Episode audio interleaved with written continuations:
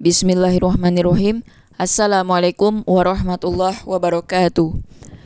Bersyukur pada Allah atas segala nikmat, rezeki bahkan kuasanya yang telah diberikan ke kita. Saya harap kalian ngedengerin podcast ini sampai selesai, biar nggak ada salah paham di antara kita. Nah, kemarin itu kan udah ngebahas tentang rukun Islam. Sekarang rukun iman. Rukun iman itu iman artinya percaya, yakin, dan dibuktikan. Sebagaimana cinta butuh pembuktian, maka iman pun harus dibuktikan dengan amal perbuatan.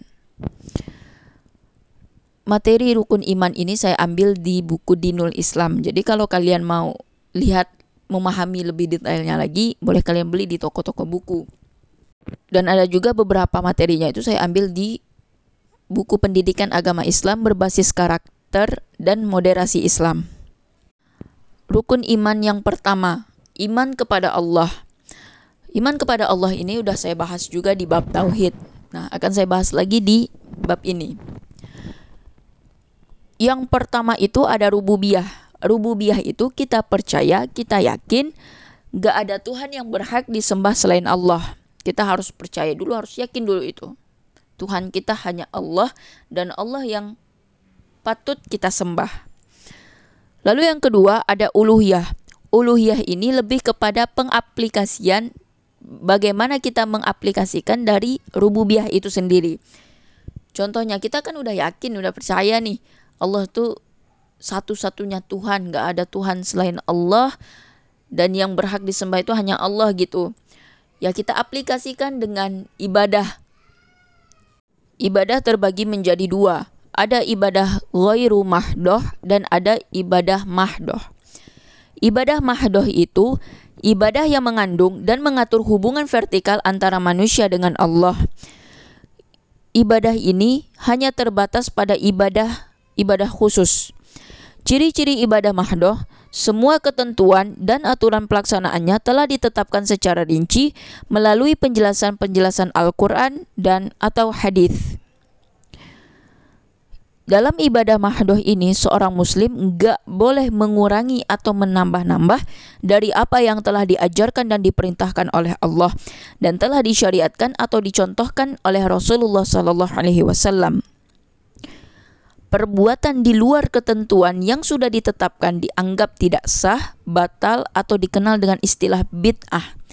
Nah, terkhusus bid'ah ini, bid'ah ini hanya berlaku di ibadah aja gitu. Bid'ah hanya berlaku dalam ibadah saja.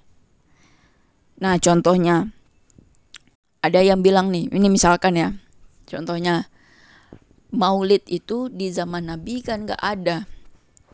Nah, kenapa di zaman sekarang ada? Nah, itu kan bid'ah. Itu misalkan dalam itu urusan ibadah.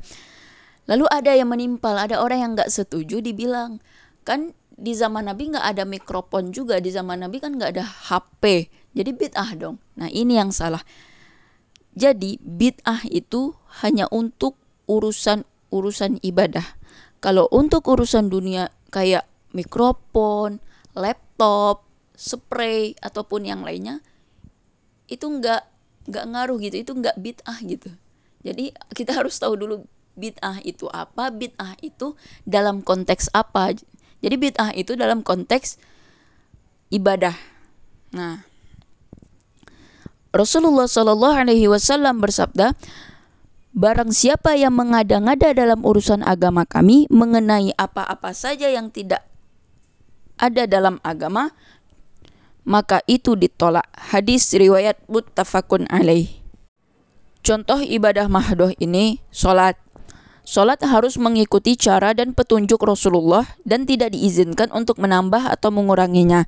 Sebagaimana Rasulullah Shallallahu Alaihi Wasallam bersabda, "Sholatlah kamu sebagaimana aku mengerjakan sholat." Hadis riwayat Bukhari. Nah, contoh lainnya itu ada ibadah haji. Untuk melaksanakannya harus mengikuti jejak yang telah dilakukan oleh Rasul. Rasul bersabda, Ambillah contoh dari aku tentang cara-cara melakukan ibadah haji. Hadis riwayat Abu Daud gitu. Jadi ibadah mahdoh itu ibadah antara manusia dengan Allah itu hubungan vertikal. Jadi harus ada tuntunan Rasulullah. Kalau ada dalil, kerjakan. Kalau enggak ada dalil, tinggalkan. Lalu yang kedua, ada ibadah ghairu mahdoh. Ibadah ghairu mahdoh ini ibadah yang tidak hanya sekedar menyangkut hubungan dengan Allah, tetapi juga hubungan horizontal antara manusia dengan sesama manusia, hablum minan nas, dan makhluk Allah lainnya. Ibadah ghairu mahdoh ini bersifat umum dan pelaksanaannya tidak seluruhnya diberikan contoh oleh Nabi. Beliau hanya meletakkan prinsip-prinsip dasar, sedangkan pengembangannya diserahkan kepada kemampuan dan daya jangkau pikiran umat.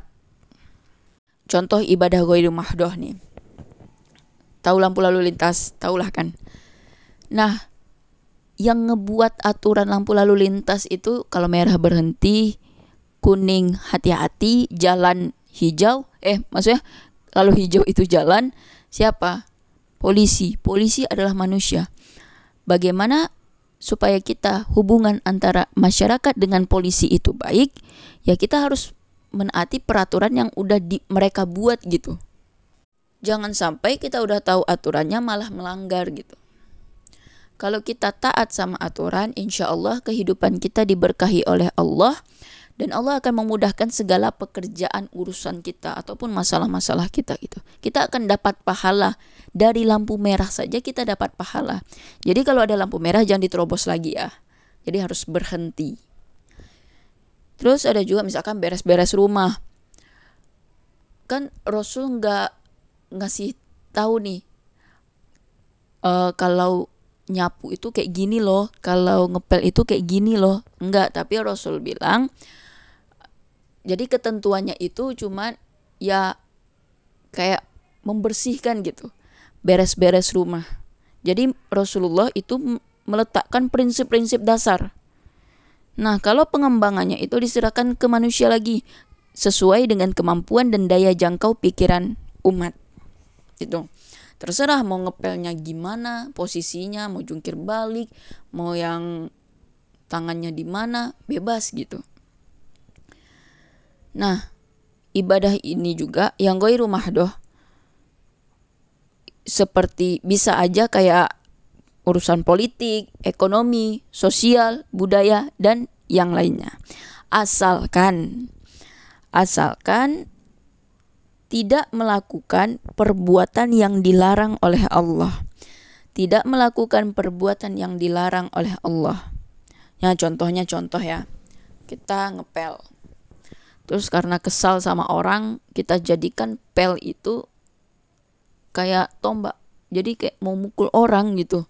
Kita jadikan pel itu kayak tongkat mau mukul orang itu yang nggak boleh gitu. Karena itu dilarang oleh Allah menyakiti sesama manusia gitu.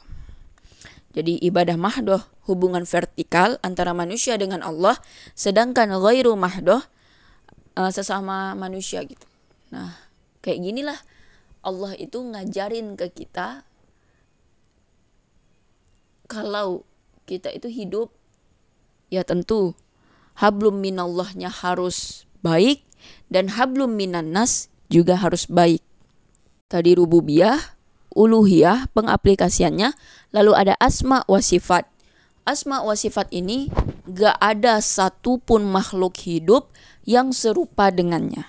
Gak ada satupun makhluk hidup yang serupa dengannya. Dan juga nama-nama yang baik bagi Allah. Jadi Allah tuh punya nama-nama yang baik. Ar-Rahman, Ar-Rahim, Al-Malik, Al-Quddus, As-Salam, Al-Ghafur, dan yang lainnya. Jadi kita harus paham rububiyah, uluhiyah, asma wa sifat. Nah juga di dalam Quran surah At-Taha surah Toha ayat 5 Allah Subhanahu wa taala berfirman Bismillahirrahmanirrahim Ar-Rahmanu 'alal istawa Artinya yaitu yang maha pengasih yang bersemayam di atas arash. Nah, ada juga yang bilang kayak gini nih. Banyak yang bilang kalau bersemayam di atas arash berarti Allah butuh arsy dong. Allah butuh arash dong. Allah butuh sesuatu. Ingat, tidak semua, ya maaf, uh, saya ulangi lagi, Kan ada tuh di antara mereka-mereka beberapa oknum bilang tuh kalau Allah bersemayam di arash, di atas arash, berarti Allah membutuhkan tempat dong. Enggak. Kenapa?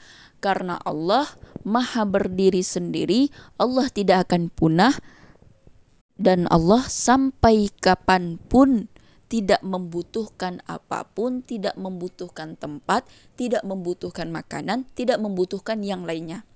Allah berdiri sendiri, Allah tidak membutuhkan apa pun. Itu. Bahkan Allah itu ada sebelum kata ada itu ada gitu. Bahkan Allah pun ada sebelum kata ada itu ada. Itu. ya kalaupun kita nggak percaya sama penjelasan dari para ulama, ustadz, dai ataupun penjelasan dari siapa pun tentang arash ini, setidaknya kita harus percaya ini dalil Al-Quran loh. Yang mana Al-Quran ini firman Allah, perkataan Allah. Allah nggak mungkin bohong dan Allah nggak akan pernah bohong, Allah nggak akan pernah mengkhianati hamba-hambanya. Jadi kita harus yakin bahwa Ar-Rahman ala tawa yang maha pengasih bersemayam di atas arash. Kita harus yakin itu. Nah, pernah nggak sih kita kepikiran kayak gini? Belum sampai disebutin sih, tapi masih ada di di otak, di hati kita. Pernah nggak sih? Ini nauzubillahnya ya. Siapa sih yang menciptakan Allah? Nah, kalau terbesit dalam otak kita, siapa sih yang menciptakan Allah? Kan Allah nyiptain kita nih, nyiptain segala sesuatu.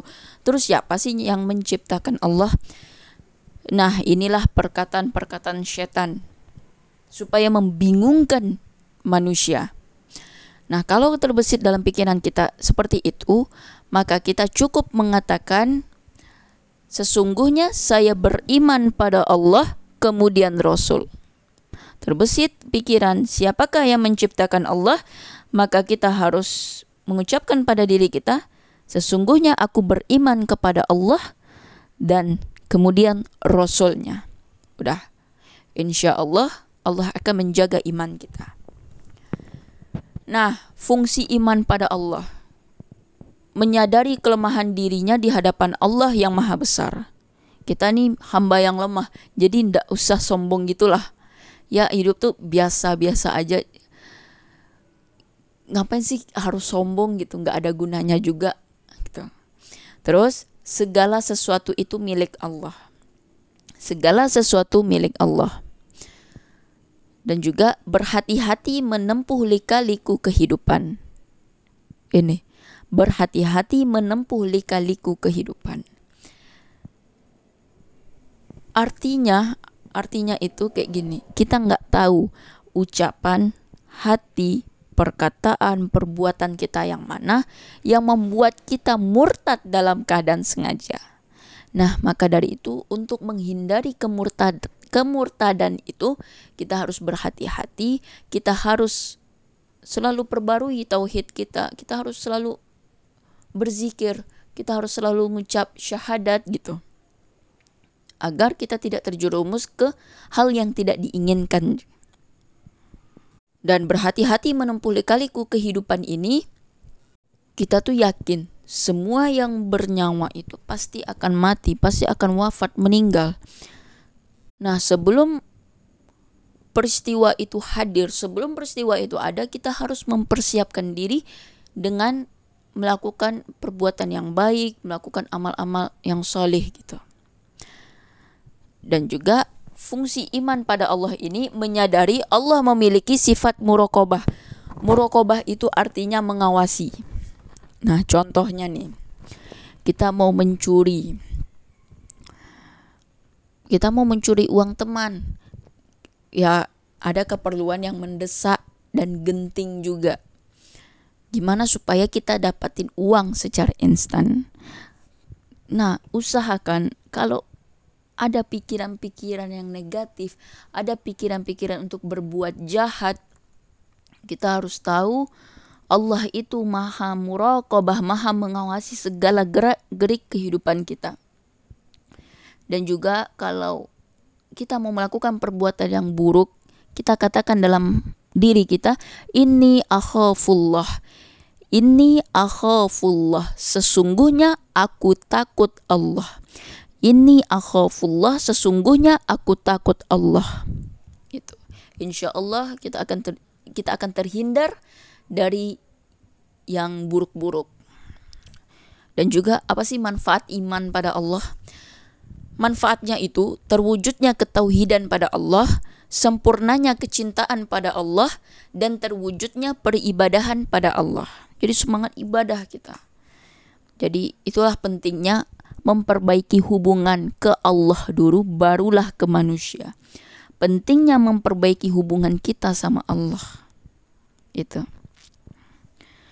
Nah, paling segini dulu tentang iman kepada Allah. Maaf kalau ada kesalahan dalam penyampaian kalimat, cara bicara ataupun yang lainnya. Maaf juga kalau kelebihan ataupun kekurangan sesungguhnya kelebihan datang dari Allah Subhanahu wa taala, kekurangan datang dari diri saya sendiri. Assalamualaikum warahmatullahi wabarakatuh.